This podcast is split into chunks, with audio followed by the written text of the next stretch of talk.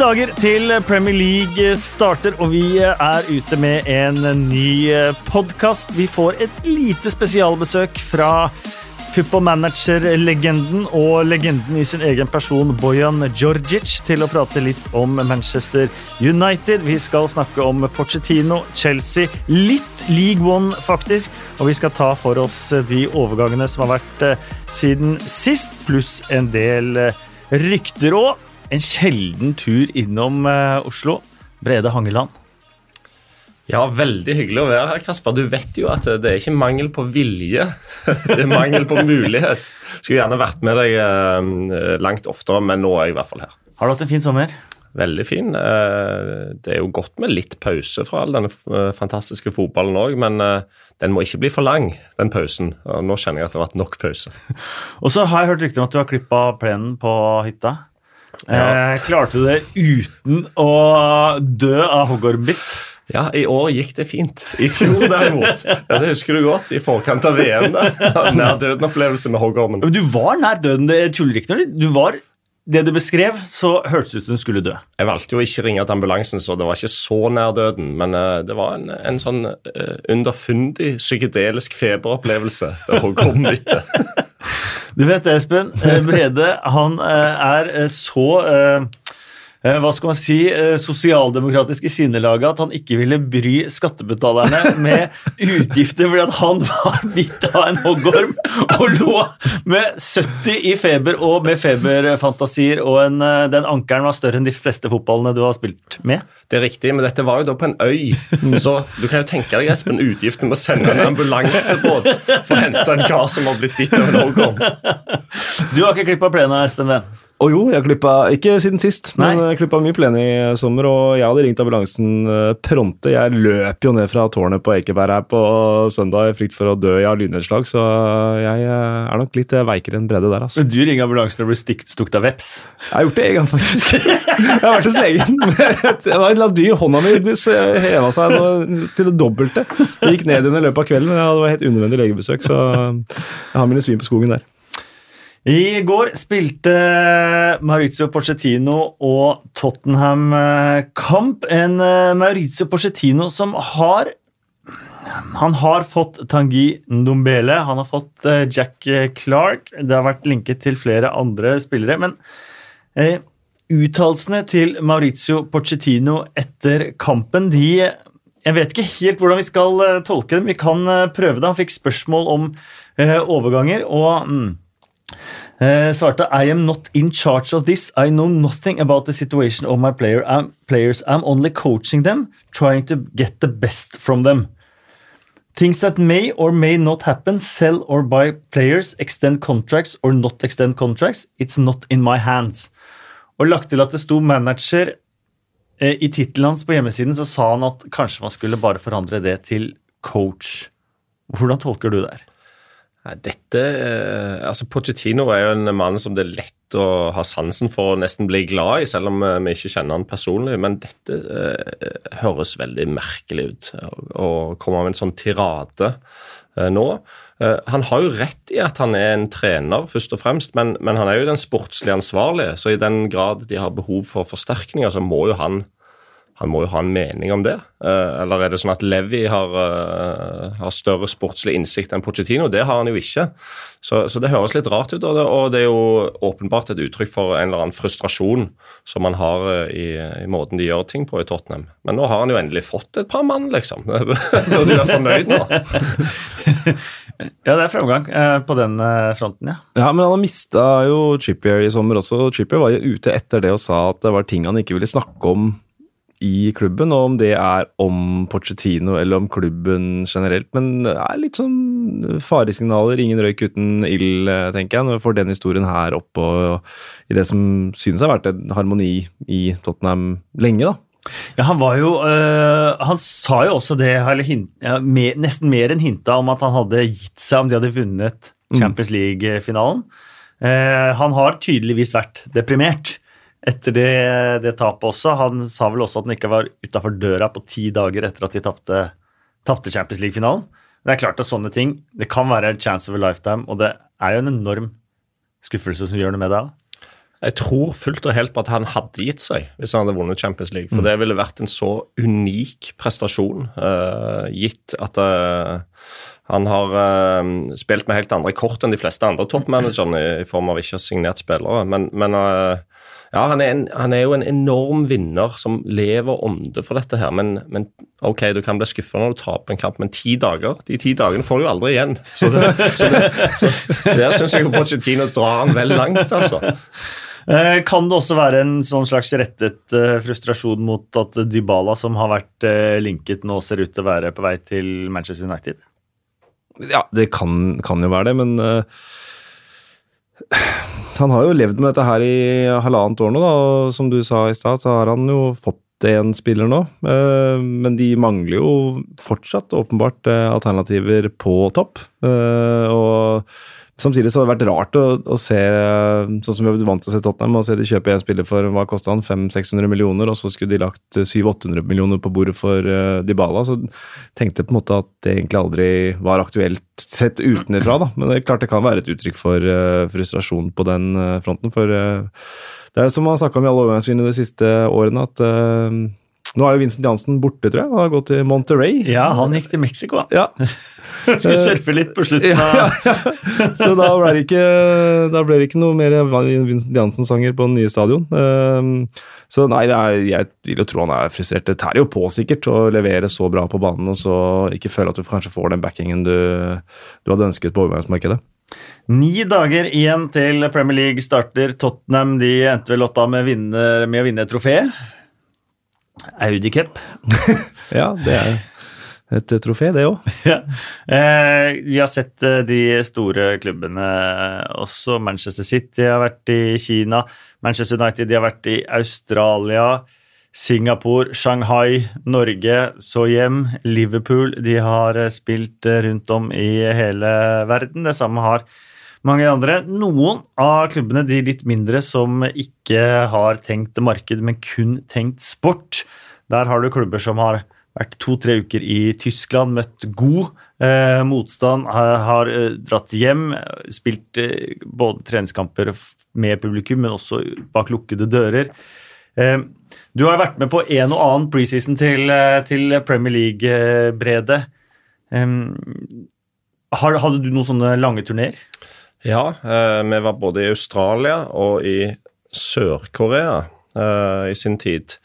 Og det er utvilsomt sånn at det er bedre å holde seg i hjemlige trakter hvis du bare skal tenke sportslig. Eh, tenk på noe så enkelt som at hvis du flyr til Sør-Korea, så har du mista en dag. Uh, egentlig to dager. En dag på fly og så en dag med jetlag etterpå. Og det samme på veien tilbake igjen. Sånn at uh, Hvis en utelukkende skulle legge til grunn det som er best sånn fysiologisk, treningsmessig, trivselsmessig for spillerne, så hadde en jo bare blitt i Europa. og så blir det jo da en konflikt mellom medisinsk apparat og markedsavdeling. Eh, og jeg skjønner jo at med de store store klubbene som Manchester United, at uh, markedsavdelingen der har et veldig sterkt behov for å få profilert klubben og møtt fansen og, og uh, oppfylt forpliktelser til TV-avtaler osv. og sponsorkontrakter. Så der blir jo spillerne egentlig brikker i et preseason-sirkus som de medisinsk ansvarlige garantert innerst inne ikke er spesielt komfortable med. Men de får bare dette tredd nedover uh, hodet og må bare forholde seg til det. Og gjør selvfølgelig det beste ut av det. sånn at det, det, det utgjør jo ikke enorme forskjeller, men du mister i praksis en del dager til reising osv. Uh, som gjør at du kanskje er litt uh, mindre forberedt enn det du kunne ha vært. Og så det, ser vi også at uh, mange av de kampene går på under rare værforhold. Uh, underlaget ofte på kampene uh, svake. Møter bare et gitt eksempel av sporting kontra å møte et tysk lag. hva du kommer til å møte i hverdagen i, i, i Premier League. Det noe, er det noen faktor? Ja, det er jo det. Jeg har hatt noen sånne preseason-opplevelser der du har møtt uh, merkelig motstand, egentlig helt fram til kanskje siste treningskamp før Premier League begynner. Og, og, da får du en enda sterkere opplevelse når ligaen begynner, av at du blir bare truffet av et godstog. sant? Fordi mm. uh, fotballen er veldig forskjellig. Uh, det er kulturelle forskjeller osv. Så videre. uh, sånn at uh, det er viktig å være i ganske bra modus mot den type motstand du kommer i Premier League når ligaen begynner. Så er det uansett sånn. Det gjelder for alle Premier League-spillere alltid, og det skal vi huske på når serien begynner neste helg at samme hvor godt trent du er, og samme hvilke lag du har møtt, så klarer du aldri å gjenskape den, den atmosfæren og det trøkket som er i en Premier League-kamp. Så første gang du går i en hodeduell 9. august, så føles det som om han andre er en kamikaze-pilot. Altså, Det er en helt vill opplevelse.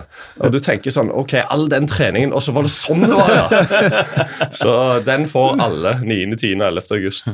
Og så tar vi med at det har vært, eh, det har vært eh, Afrikamesterskap, det har vært Copa America, det har vært eh, det ene og det har vært det andre. og De som har mange landslagsspillere, og spesielt fra de som har spilt eh, turneringer, har det noe å si på forberedelsene til eh, ligaen at du ikke har komplett tropp i oppkjøringa? Ja, åpenbart. Um, det er jo sånn at uh, det, er, det vitenskapelige grunnlaget nå på, på, fysisk form til hver enkelt det er så uh, gjennomarbeida at uh, medisinske apparater de har full kontroll på hver enkelt spiller det måles opp og ned med, med løpslengde og laktartester og urintester og blodprøver, så de har full kontroll. Så når noen kommer for seint tilbake igjen da, fra et eller annet mesterskap, så blir det bare lagt en plan. Ok, han er klar for spill om tre uker. Han er klar om fire uker. Um, og så gjelder jo det da hvis alt går etter planen. sant? Uh, det kan komme småskader som gjør at de fire ukene blir fem uker. Uh, så uh, det ankomsttidspunktet, da, la oss kalle det det, når folk kommer tilbake fra ferie og turneringer, det er jo ganske avgjørende. Men dette, dette er jo òg noe de store klubbene må leve med. Og Vi så jo Manchester United i går som bytter altså ut en elver og inn kommer en ny. Eh, de har ganske stor bredde. Er det noen av storklubbene du ser eh, kan slite i sesongstarten, etter det du har sett i, i sommer og de forstyrrelsene som har vært med andre mesterskap? Ja, Liverpool er jo det åpenbare eksempelet der, der liksom frontrekka har hatt uh, tung belastning med, med sine landslag. Eh, og lite forsterkning osv. Så, videre. så det er nok en del Liverpool-fans som med rette eh, er spent på dette. Men jeg tror jo at eh, Klopp og hans apparat har ganske god kontroll på dette. Og, og det er vel få av topplagene som, som, det vil være så stor forskjell på. Altså Uten Mané, Salah, Firmino, så blir det et helt annet lag. Det, det vet Klopp, og han er nok ganske sånn lugn i forhold til det. Du er jo såpass heldig, Brede Hangeland, eh, født under en heldig stjerne, at du skal eh, se eh, Liverpool mot ikke minst Norwich ja, tenk det. på serieåpninga om ni dager. Ja. Det er flaks. Ja, det er flaks. Ja, det er vel mange, var mange om beinet på den, tenker jeg. Ja, det er virkelig mange om beinet.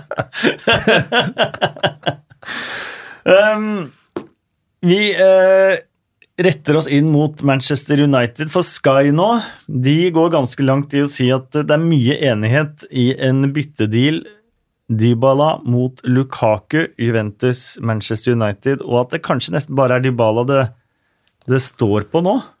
Ja, og det er jo litt grann skummelt at det er eh, Dybala det står på. For hvis han ikke vil, eller er litt lunken, så er jo ikke det noe godt utgangspunkt utgangspunkt. Og City, men det føles uten at jeg har noe empiri på det, at, uh, at Juventus-fansen ikke nødvendigvis er kjempefornøyd med den eventuelle byttehandelen der. Men jeg tror Manchester United-fansen skal være veldig fornøyd hvis de mister en uh, umotivert Lukaku og får en ja, halvmotivert Dybala. Så tror jeg faktisk det er, en, er et veldig godt, godt bytte. Um, det er vel mulig eh, Sarri har sagt at eh, han ikke trenger Dybala med de eh, angrepsspillerne han har. Uh, snakkes om at Ronaldo skal ut på kanten igjen og Lukaku inn i midten, men Dybala til Manchester United, det er uh, Vi snakket litt om på lørdag at uh, det liksom ikke har tatt helt fyr i overgangsvinduet enda, men det, det, er en overgang som, som får det til å få væskedannelse i munnvikene, altså. Han hadde vel ikke verdens beste sesong forrige sesong, men han har jo vist at han er en klassespiller. Ja, definitivt. Og kanskje ikke verdens beste sesongen forrige sesong, men sesongen før der igjen så var han jo mm. voldsomt bra. Uh, jeg husker jeg så han mye da han spilte for Palermo før han gikk til Juventus, og du så at det her var uh, var sånn fotballhipster. ja, eller, eller jeg jobbet med Serie A, det er alt ettersom, da. Rosa draktene er jo veldig fine, og selv om jeg helst skulle sett Mikkoli tilbake i verden Palermo nå og sånn, nei da. Men uh, Birkerkara. Hæ? Birkerkara. Ja, Birkerkaran. ja, altså, da skal du noe fotballhipster, da. Malta-lag, liksom. Men, uh, nei, men da var han liksom det du det sånn, Han var spiller. Mm. Så det med en gang at det her var spiller. Uh, selv om han ikke skåra voldsomt mye mål til å begynne med i Palermo, så, så har han noe ved seg som er veldig, veldig gøy, altså. Nicolas PP fra Lill til Arsenal. Nå har vi sett han i Arsenal-drakt, så da får vi tro at den er veldig veldig nære når vi spiller inn den. 72 millioner pund ble jo sagt at de var etter Wilfried Saha, eller ikke ble sagt, de var etter Wilfried Saha, men hadde ikke råd til å betale overgangssum. Jeg tenker kanskje at det er lønn som gjør at de nå går for PP og ikke Saha. 140 000 pund for PP snakkes det om i uka. Saha skulle vel hatt en del mer, og det er kanskje det som gjør at For det er mange som har reagert på at de hadde ikke råd til 70 millioner pund for Saha, men har råd til det samme for PP. Ja, det kan tenkes. Um, altså, Wilfred Saha, hvis han ville bort fra Crystal Palace, så ville han uansett fått mer i, i lønn i Arsenal enn det han har der. Uh, jeg tror at Palace har vært utrolig motvillige mot å selge han noe sted. Uh, de, det er vel ingen klubber i hele Premier League som er så avhengig av én mann som det Crystal Palace er, Wilfred Saha. Så, uh, men Arsenal har, har gønna på da, på overgangsmarkedet. og og, og jeg får jo si at den fronttrekker de kan stable sammen nå, det, det bør sette frykten i ethvert forsvar. altså. Definitivt. Han ble hentet av Bielsa til Lill som spiss. Det gikk ikke så bra. Har vært spilt kant etter at Bielsa fikk sparken der, men pøser jo inn mål for et Lill som havna på andreplass bak PSG forrige sesong. Har jo ikke vært helt stille sjø for Arsenal denne sommeren heller. Korselny nekta å dra på tur med laget fordi han ville ha en gratisovergang til Frankrike. Du har vært kaptein i Premier League, Brede. En kaptein som gjør det. Fullstendig uakseptabelt. Og det sier jeg selv om jeg ikke kjenner selvfølgelig detaljene og alt dette her.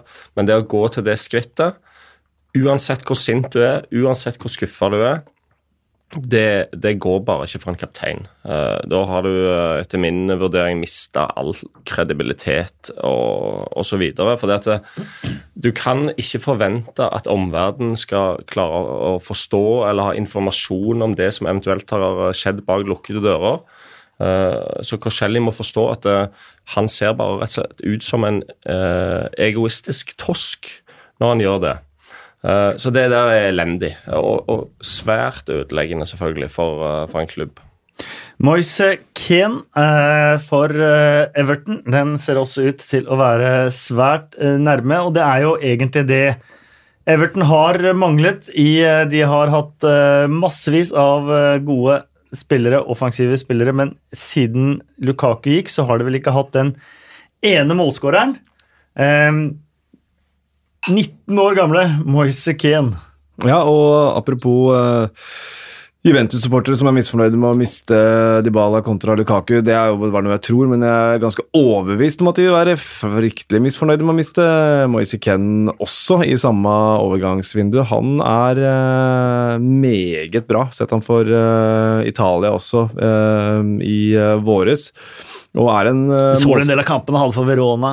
Det, så jeg har sett alle. Uh, artig at du skal si det. Uh, ja, du syns han var ålreit sammen med Pazzini og sånn, så uh, Pazzo er tilbake. Verona er jo for øvrig tilbake i Serie A nå. Det er noen som ikke er så fornøyd med det. Det er ikke verdens mest elska klubb. det er klart. Nei, nei, det er ikke, ikke siden Preben Elkjærs tid. Nei, men det, er, det, er, litt grums med Verona, for å okay. si det sånn. Ja.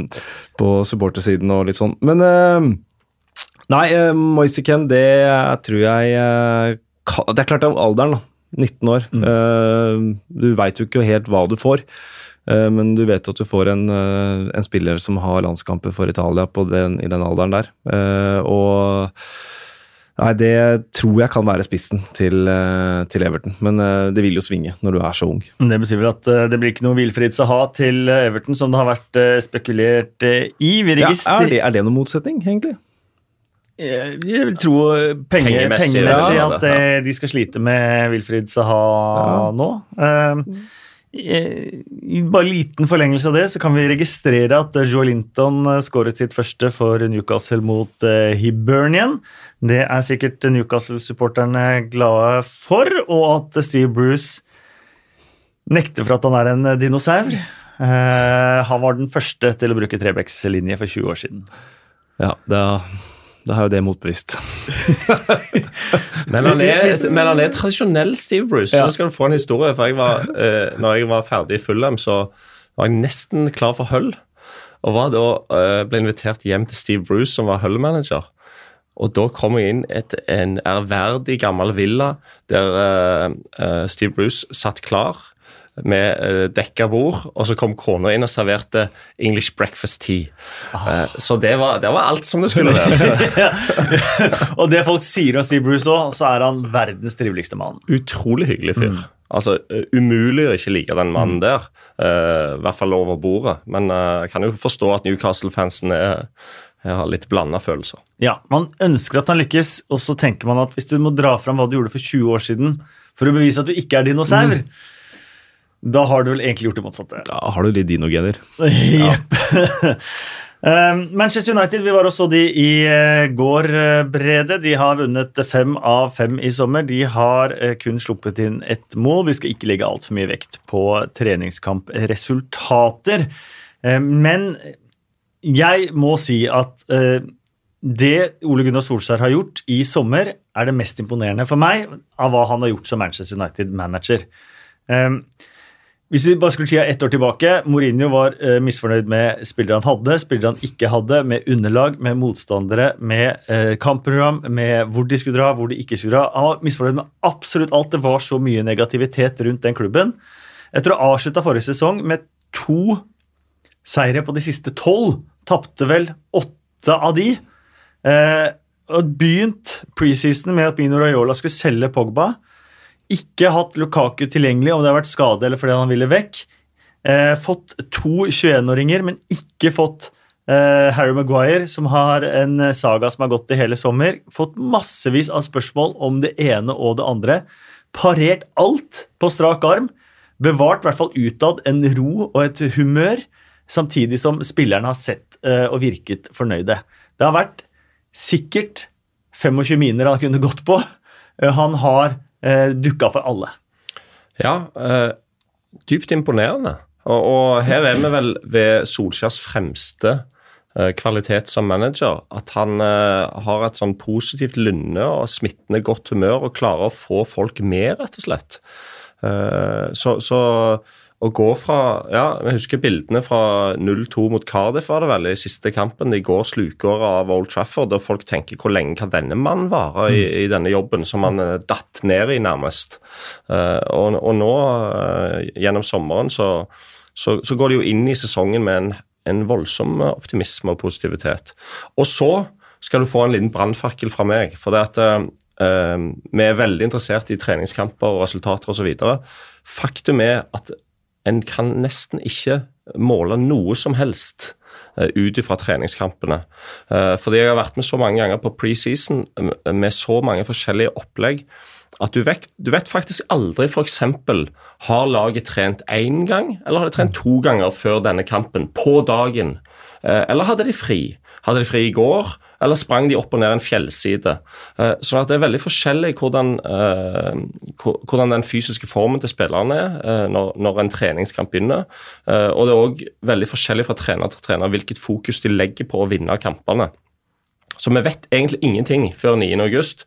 Men når det er sagt, så hadde Solskjær naturligvis behov for å få roa stemningen og få, få skrudd opp positiviteten igjen, og det har han klart.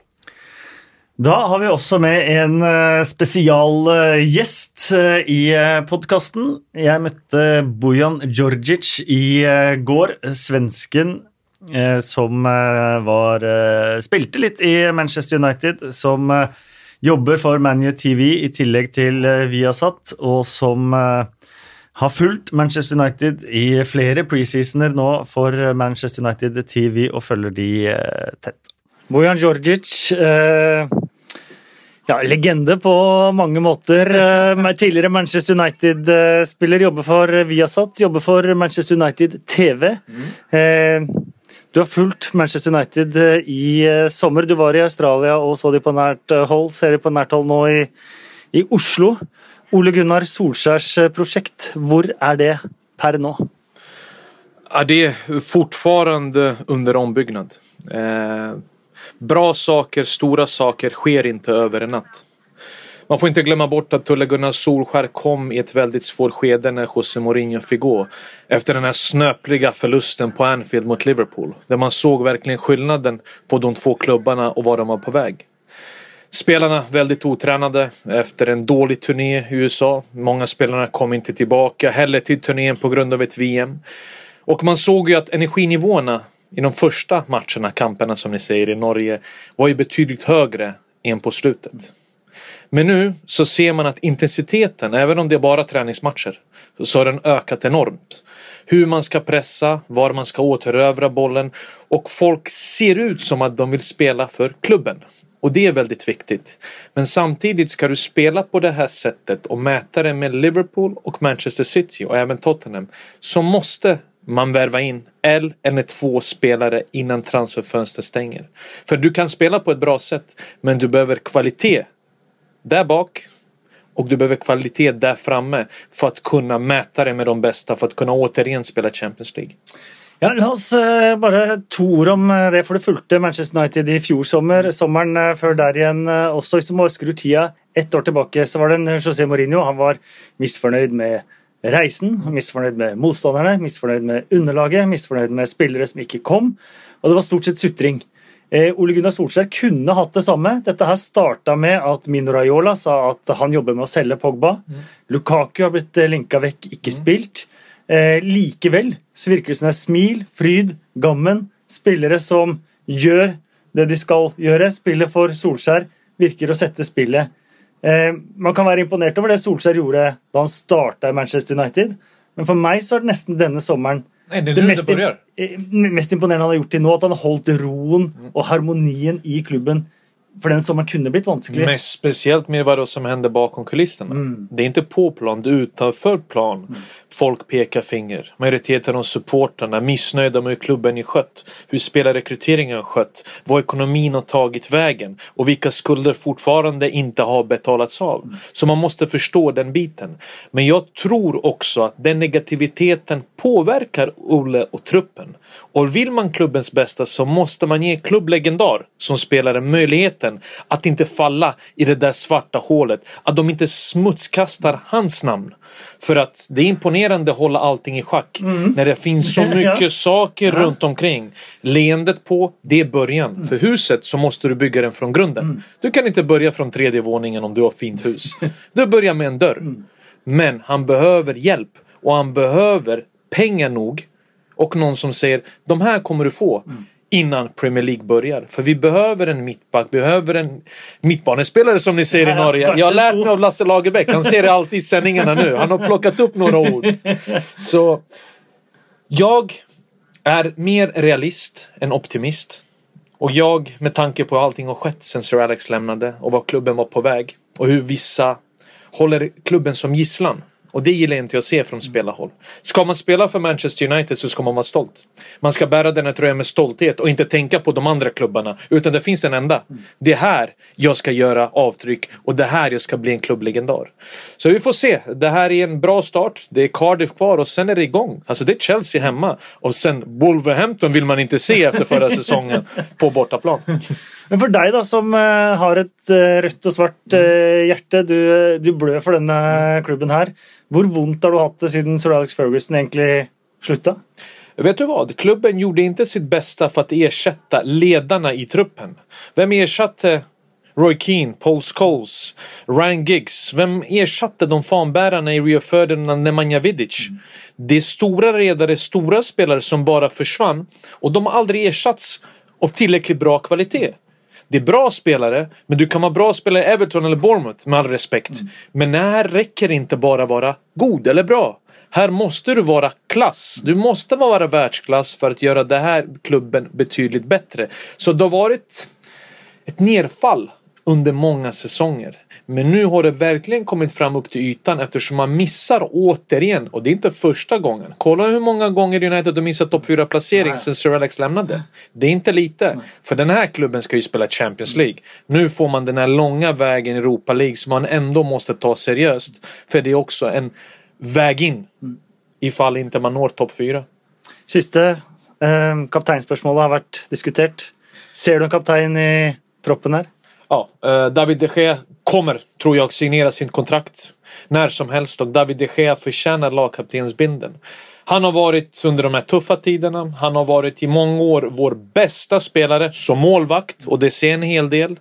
Ge honom kontraktet, låt honom skriva under det och ge honom lagkaptensbindeln. För vi behöver kontinuitet och folk som faktiskt vill stanna och bli klubblegendarer. Inte folk som hela tiden tänker att det, gräs, gräset är grönare på andra sidan. Da kan topp fire være innafor. Jag säger att United slutar fyra och då är det en bra säsong. Men samtidigt så vill jag och även supportrarna se ett lag som orkar, ett lag som har energin och stoltheten att bära den här tröjan. Alltså kraven är ju verkligen sänkts. För nu vill man bara se att de bara bryr sig. Och därifrån kan vi börja. Men ge Olle Gunnar möjligheten att kunna göra det. Men han behöver också kvalitet. Den här truppen att jämföra med den Olle Gunnar spelade i. Det är stor skillnad. Både på ledarfigurerna på och utanför plan. Och jag tror att han vill tillbaka med det. Därav har sådana som Mason Greenwood också fått mycket mer möjligheter och chanser. Än vad en 17-åring skulle få i en klubb som faktiskt missade en Champions League-plats. Kult, Bojan. Eh, Du får lykke til Songen. Vi kommer til å ses masse rundt om, håper jeg. Ja, 100 procent. 100 procent. Vi ses i England alltid. Jeg får bjuda på middag denne gangen. Jeg lemner Glenn Strømberg utenfor. Jeg bjuder deg bare. Jeg gleder meg. Chelsea de har eh, utestengt eh, de supporterne som eh, slang med leppa til Raheem Sterling i hjemmekampen mot Manchester City forrige sesong. Vi husker de eh, egentlig ganske forstyrrende bildene av eh, middelaldrende eldre menn. De Det har brukt leppelesere og bekreftet at det var rasistiske utsagn som eh, kom fra de gamle grisegutta. Eh, han ene ble utestengt på livstid fra Stamford Bridge. Eh, de fire andre fikk eh, ett og to års eh, utestengelser. Flott å se klubben ta grep. Ja, rett og slett. Det er helt suverent at de gjør det. og selv om det har gått lang tid, så viser de at de har gjort en god jobb med å etterforske og tar de grepene som, som skal til. Så bra at de ikke bare lar det fisle ut, selv om det er en stund siden nå. Ja, så er det viktig at det blir sagt at uh, vedkommende ble utestengt på livstid. For det at uh, du skal være ganske dum etter hvert som fotballsupporter hvis du, hvis du opptrer og oppfører deg på den måten der. For du vet jo at det kommer konsekvenser. Sånn at det, La oss håpe at det har en sånn preventiv effekt òg, og at de idiotene der bare lar være å gjøre det.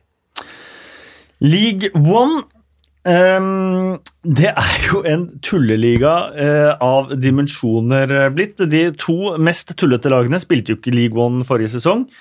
Bolton rykket ned fra Championship. Burry har mot absolutt alle odds rykket opp. Uh, Burrys kamp mot Milton Keanes nå til helga, den blir ikke spilt. De har ikke kunnet garantere eh, det økonomiske eh, rundt eh, klubben. Bolton klarte på et eller annet vis å gjøre det, så de får spille sin eh, åpningskamp. Begge er allerede fratatt tolv poeng. Eh, Så de starter jo med minus tolv, så nå, det har blitt litt lettere for eh, de andre lagene å unngå kanskje de to andre nedrykksplassene. Så vidt jeg vet, så har ikke Bolten noe særlig spillerråd. Det er vel under ti spillere i A-lagstallen, hvorav to er keepere. Eh, Så det ser jo ikke bra ut. Eh, De har ikke fått lønn på seks måneder. Phil Parkinson har en eh, jobb å gjøre der. Oxford er visst i konflikt Nå får noen rette meg hvis noen kan dette bedre enn meg, men konflikt med sin egen ølsponsor. som gjør at de har nektet dem å selge deres øl på stadion. Um, Joey Barton, jeg vet ikke om noen husker at han ble hentet av politiet utafor en match mot Barnsley forrige sesong.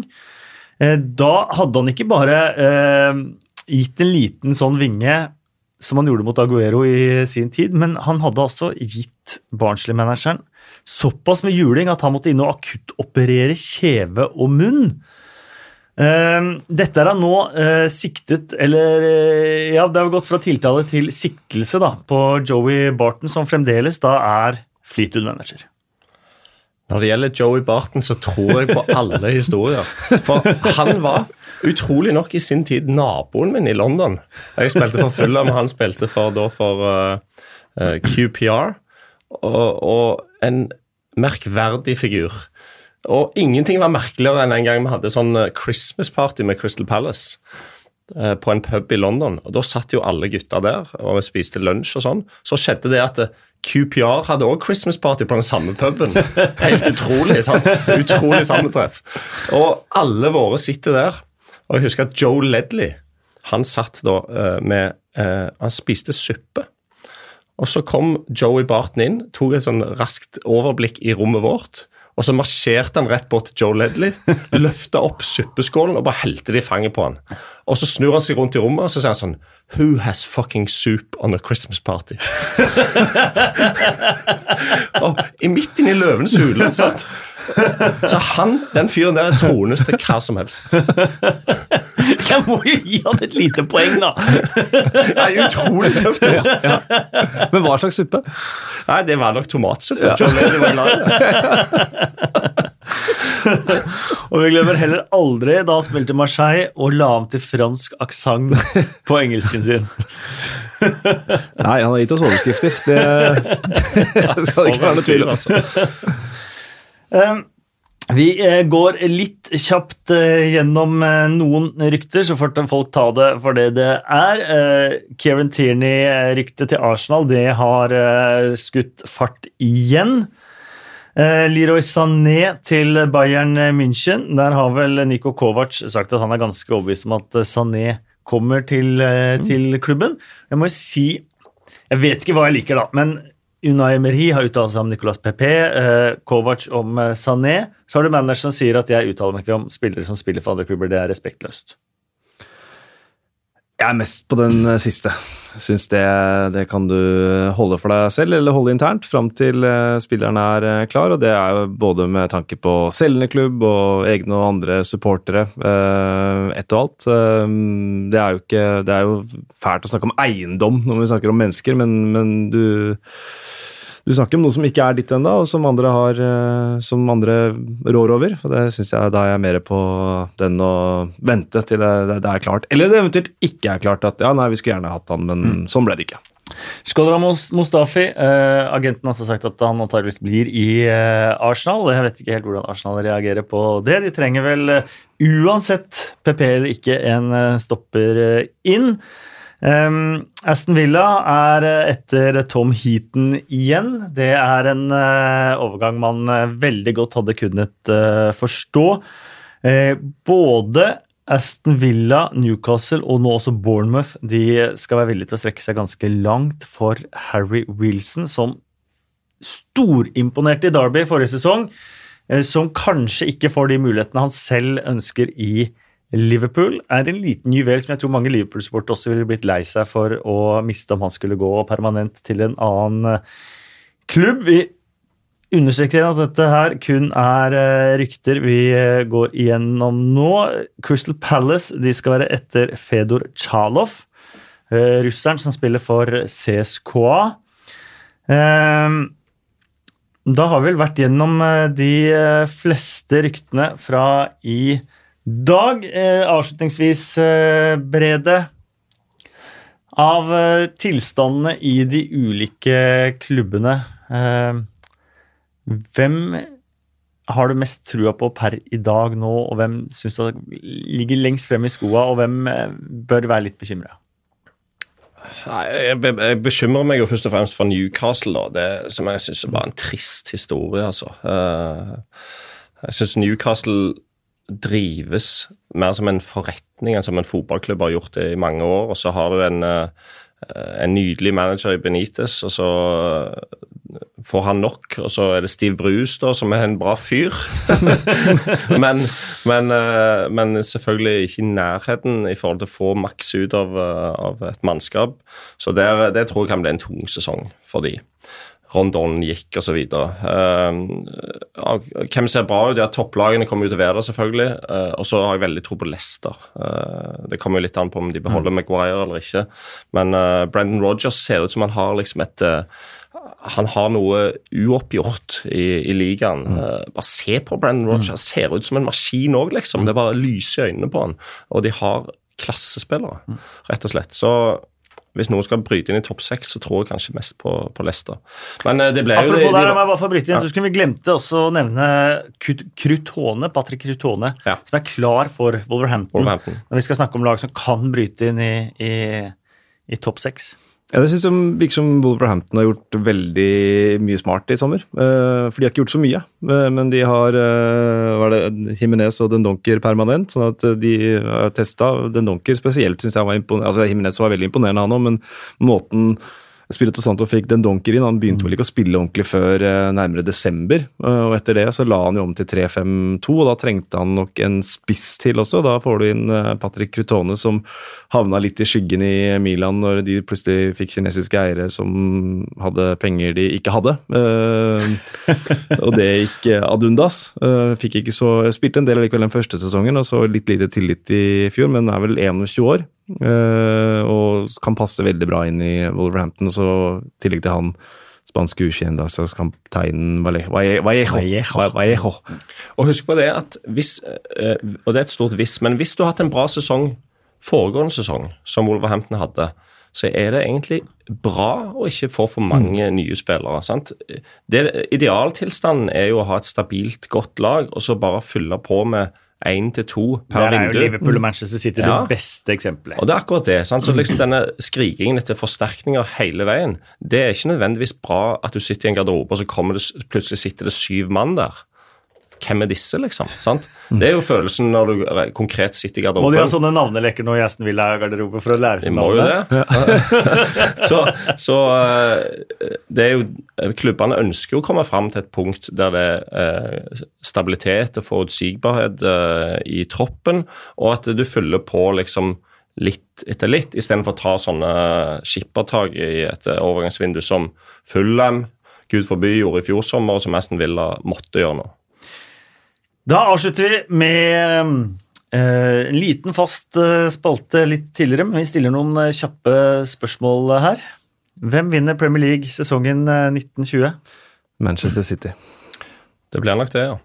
Hvilke tre lag rykker ned? Oi, det var kjapt. Mm. Da går jeg for Får vi ta ett av de nyopprykka. Tror Sheffield United skal få slite. Og så frykter jeg for Newcastle. Og Kan jeg få spille inn Brighton? Eh, det kan du. takk. takk. De skal begynne å spille fotball de under ja. Graham Potter. Det har vel vist seg å være vanskelig tidligere. Hva er dine tre lag? Ja, Det, det var gode kandidater, ja. syns jeg. Uh, og det, uh, Norwich kommer ikke til å være langt unna, men, men jeg tror det går. Det er greie. Ja.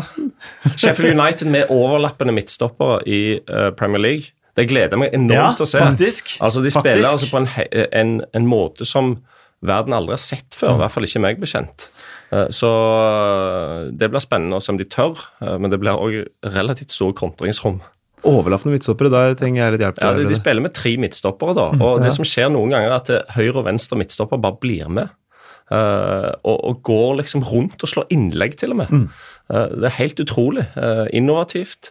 og det lykkes som bare det i championship, men vi får se da, på toppnivå. Jeg gleder meg også til å se at endelig Billy Sharp skal få muligheten og tillit i mer enn halvannen kamp av gangen i, på det øverste nivået. En notorisk målskårer har han vært hele livet. Aldri fått bevist at han har det i, i Premier League, men nå får han bevist det. hvem kan jeg bare få skyte ned, for jeg skal kommentere åpningskampen til Sheffield United, og jeg gleder meg til å se Phil Jagielka på overlapp. Det uh... Men hvis, han, hvis Jagielka skal spille, så må han være den sentrale. Ja, må det. Han må det. Uh, hvilke fire lag Nei, hvilke av topp seks havner ikke i topp fire? Oi. Jeg tror ikke Arsenal gjør det. Så er det for uh, Tottenham. Akkurat nå. Nå tror på Lampard. Dette er så vanskelig. Ja, det- Arsenal og Chelsea utenfor topp fire. Det får bli de tre vi tar nå, så får vi pønske på Jeg orker ikke gi dere hvem blir toppskårer og sånn eh, spørsmål nå, med mindre dere har noen sterke meninger hvem dere tror kan Harry Kane. Selv om jeg stadig utafor. Aguero, Aguero, Ja, tenk det. Assistert liksom av gode David Silva for siste, siste gang. Vi må nyte David Silvas eh, siste sesong i, i Premier League. Tusen takk for at du kom, eh, Brede. Nå skal du spille en fotballkamp. Det var jo egentlig derfor jeg valgte å ikke ha Norwich eh, som dumpekandidat, for du skal kommentere. Og vil du ha en kaffe, f.eks.? Jeg ser du har vært veldig grei på å komme med forsyningene hele podkasten her, ja. Men du har kvessa knottene, for du har Jan Henrik Børsli på det motsatte Ja, det var en god nyhet. Jeg håper han er spiss. Tusen takk for at du kom, eh, Espen. Takk for at jeg fikk lov til å komme. Eh, tusen takk til Bojan Djordjic for at han også stilte opp. Og så, like rundt hjørnet, om du har en spesiell interesse for eh, Chelsea, så legger vi ut de eh, intervjuene Erik Nesse Gjelvik gjorde med Frank Lampard, David Lewis og et par eh, andre av spillerne som en egen podkastepisode ganske snart. Så følg med på iTunes eller eh, Spotify, og gi oss gjerne en liten kommentar og helst fem stjerner også eh, i iTunes før den kommende sesongen.